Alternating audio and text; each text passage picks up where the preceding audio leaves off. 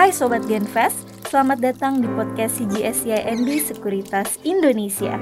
Di sini kita akan membahas seputar pasar modal, update investasi saham, dan juga tips and trik investasi saham untuk milenial. Stay tune terus ya di podcast Berani Berinvestasi bersama CGSCIMB Sekuritas Indonesia.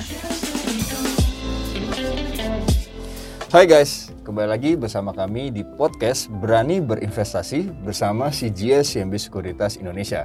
Kali ini saya Kevin Jui Dohuta Barat dan partner saya yaitu Fani Suherman akan membicarakan tentang memasuki bulan Juni, faktor apa yang harus diwaspadai. Nah sebelum itu saya mau nyapa dulu untuk partner saya dulu ya. Hai Van, gimana kabarnya? Hai Kev, baik ya. Oh ya. Nah, Van, kita kan sudah di bulan Juni nih, Van ya.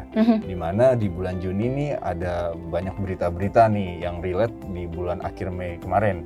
Nah, sebenarnya nih Van, bagi teman-teman uh, yang mendengarkan podcast ini sebenarnya apa sih yang harus dilihat di bulan Juni ini gitu. Nah, mungkin Fani mau memberikan uh, informasinya gitu. Oke, thank you pertanyaannya. Dan uh, pastinya nih teman-teman ya, kalau ditanya faktor apa sih yang penting di bulan Juni, pastinya ada banyak nih sebetulnya, banyak faktor ya.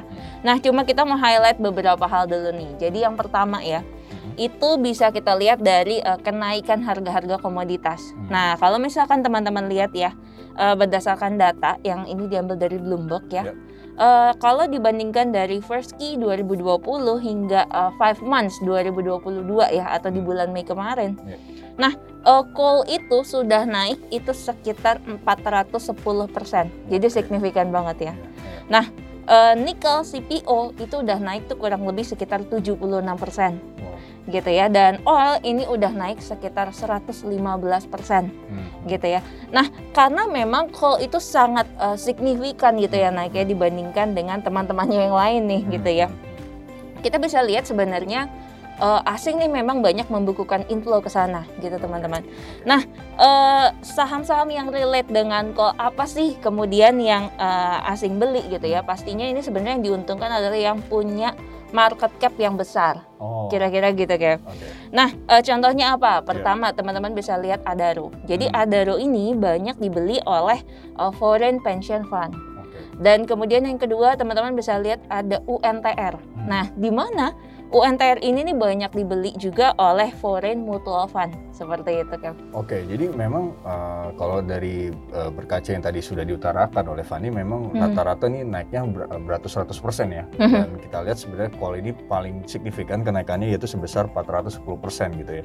Nah, Van, tapi kalau kayak seperti itu yang terjadinya di Mhm. bulan-bulan sebelumnya, uh, apakah ini sudah kemahalan nggak nih harga-harga dari komoditas yang relate dari uh, call maupun juga oil lalu juga uh, CPO itu? Mungkin Fani punya pandangan yang, ber- yang berbeda atau gimana gitu? Oke, thank you, Kev. Jadi ini emang pertanyaan yang umum banget nih Iya, karena udah iya. naik terus gitu ya. Iya, benar. Nah, tapi kalau misalkan teman-teman lihat ya dari segi eh, kita bicara valuasi. Hmm, hmm. Nah, jadi eh, saham-saham di sektor komoditas ini sekarang nih ditradingkan kurang lebih 5 sampai 18 kali Hmm, 12 month hmm. forward PE gitu ya. Oke. Dibandingkan dengan ketika eh, commodity boom. Iya.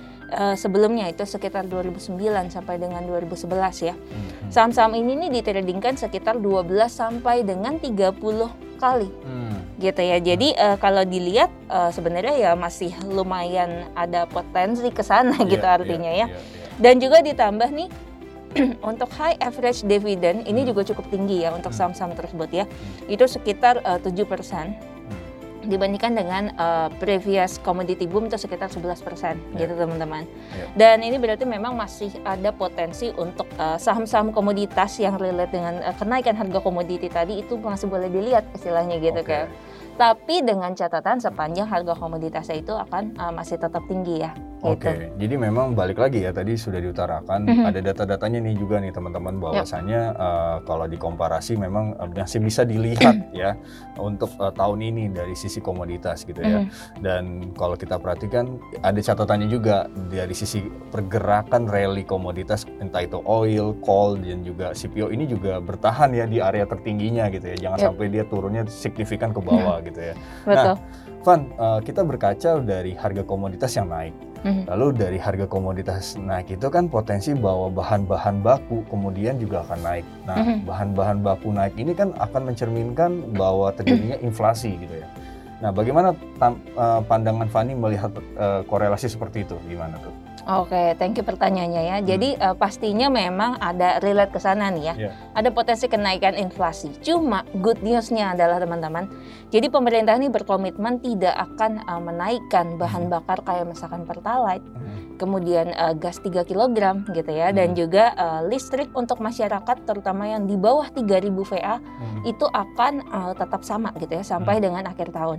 Ya. Nah, jadi ini tujuannya apa sebenarnya untuk eh, menjaga daya beli masyarakat nih gitu ya. Hmm. Jadi eh, positif pastinya ke inflasi ya. Hmm. Di mana tentunya ini bisa menjaga inflasi ya. Eh, tetap stabil, nggak terlalu tinggi banget naiknya seperti itu ya di tengah kenaikan harga komoditas saat ini. Dan eh, forecast kita sendiri untuk inflasi nih ya gimana? Jadi untuk di tahun ini dari ekonom kita ini kita proyeksikan inflasi berada di 3,3 persen sampai dengan akhir tahun. Mhm. Eh, di mana ini inline ya dengan eh, Bloomberg konsensus yang sebesar 3,3 persen juga gitu. Oke, nah berarti kalau pembicaraan tentang yang tadi sudah diutarakan oleh Fani gitu ya, eh, berarti ibarat kata inflasi potensinya terkendali gitu ya. Nah, berarti ada kemungkinan dong nanti kenaikan suku bunga ini juga terbatas atau bagaimana nih ngelihat eh, dari perspektif makronya? Mm-mm, thank you Kev. Iya. Nah jadi kalau untuk eh, kenaikan suku bunga sendiri ya itu ekonom kita tetap bahwa eh, suku bunga itu tetap harus kelihatannya harus naik gitu ya. Hmm, Nah kenaikannya berapa kali kita ekspektasi di tahun ini akan ada tiga kali kenaikan teman-teman. Di mana eh, setiap naiknya itu bisa sekitar 25 bips gitu ya. Di mana akhir tahun eh, proyeksinya akan mencapai 4,25 persen untuk BI rate kita. Nah eh, kenapa? Karena kalau misalkan kita lihat kan The Fed juga ini masih akan menaikkan suku bunga lagi ya teman-teman ya ya, ya. di bulan Juni eh, dan juga di eh, Juli gitu ya di mana masing-masing ini proyeksinya justru akan naik sebesar 50 bips gitu ya. Hmm, Nah, eh, jadi fokusnya mungkin yang bisa teman-teman arahkan juga adalah di potensi kenaikan yield nih, Oh. gitu ya. Jadi eh, untuk oke. 10 years eh, treasury-nya US, Iya. nah ini boleh dilihat ya, karena biasanya kalau suku bunga naik kan yieldnya itu juga potensi lumayan naik iya, juga gitu ya iya, ngikutin ya. Nah biasanya justru kalau yield naik ini akan eh, negatif nih ke saham gitu Oke, Kev. jadi memang poinnya adalah yield dari treasury-nya Amerika Mhm. Serikat yang 10 year ini harus di watch oleh teman-teman seperti itu ya. Dan kalau lihat dari data yang saya lihat bahwa memang 10 year usury uh, dari Amerika Serikat ini yieldnya sudah mulai naik ya sampai 2,9. Mhm. Padahal sebelumnya ini kelihatan biasanya akan turun di bawah 2,7. Jadi memang balik lagi teman-teman, teman-teman harus memperhatikan apakah uh, 10 year usury uh, dari Amerika Serikat ini terjadi kenaikan yang cukup signifikan apa enggak gitu ya. Nah, cuman yang jadi pertanyaan kita adalah apa hubungannya IHSG dengan 10 year usury dari uh, Amerika Serikat ini, Van? Seperti seperti apa uh, hubungan korelasinya? Oke, ini pertanyaan yang sangat bagus pastinya Iya, Kev ya. iya. Eh, jadi kalau misalkan kita lihat nih teman-teman ya, eh, yieldnya US itu kalau per data eh, kemarin ya itu sekitar tanggal 6 Juni ya, 6 Juni 7 Juni ya, Mhm. itu sempat justru udah mencapai 3 persen Hmm. gitu ya, bahkan 3 persen lewat dikit. Nah ini artinya eh, memang yield ini potensi eh, akan coba untuk naik lagi ke atas Hmm, gitu ya. hmm, hmm. Nah tadi eh, sudah saya bahas juga bahwa kalau yield naik, ibaratnya justru ada potensi koreksi di sahamnya Hmm. yaitu kemungkinan eh, kayak misalkan S&P ini bisa koreksi Oke. gitu ya. oke. Nah, di mana relate ke IHSG? Jadi eh, S&P 500 dengan IHSG itu ternyata tuh punya korelasi yang sangat kuat teman-teman Hmm. gitu ya. Jadi kalau misalkan S&P turun, nah IHSG juga bisa potensi turun gitu. Oh. Kalau dia naik, kita juga biasanya naik seperti itu ya. Jadi Ya, ya. otomatis kalau misalkan eh, kita ekspektasi yieldnya naik, berarti S&P-nya bisa turun dan IHSG juga bisa turun Oh. gitu ya. Di situ relate-nya. Ya. Nah, eh, makanya itu sih yang harus kita waspadai ke depan. Oke, jadi itu udah terjawab ya teman-teman Mhm. melalui sharingnya Fanny dan kalau kita lihat sebenarnya balik lagi di bulan Juni ini memang kita harus mewatch apa yang terjadi di luar khu- khususnya di luar negeri ya di Mhm. Amerika Serikat gitu ya. Yep. Nah, Van, kalau melihat kondisi yang di luar negeri, nah kira-kira nih untuk di dalam negeri sendiri khususnya saham-saham apa nih yang akan direkomendasi di bulan Juni ini? Mungkin Fanny punya insight-insight baru gitu. Nah, jadi uh, kalau ditanya saham apa nih yang menarik ya? Hmm. Kalau strategi dari kita sendiri ini masih yang relate dengan banking. Ini teman-teman boleh lihat ada dua saham ya, BBCA dan juga BMRI. Di mana BCA ini target price kita di 8.100 secara fundamental hmm. dan untuk Mandiri ini di 8.700 ya secara fundamental. Yeah. Kemudian untuk yang masih lagat, nah ini mungkin boleh di watch ya ada SMGR, terus ada INTP dan juga ada CEPIN hmm. gitu ya di mana uh, untuk SMGR ini targetnya 15.900 Kemudian untuk INTP ini di 13.100 dan untuk CEPIN ini di 5.200 ya target fundamentalnya. Yeah. Dan yang relate nih dengan uh, reopening ekonomi ya di mana kita udah lihat nih udah mulai ramai lagi balik kayak yeah. normal lagi yeah, ya. Benar. Nah, uh, ini teman-teman boleh lihat ada saham uh, MAPI dan juga uh, Pawan. Ini pilihan hmm. kita ya. Untuk MAPI uh, target price di 1000 dan untuk uh, Pawan ini target price di 610. Oke, Van. Mm -hmm. Nah, teman-teman itu uh, deretan saham-saham yang teman-teman lihat nanti di bulan Juni ini gitu ya.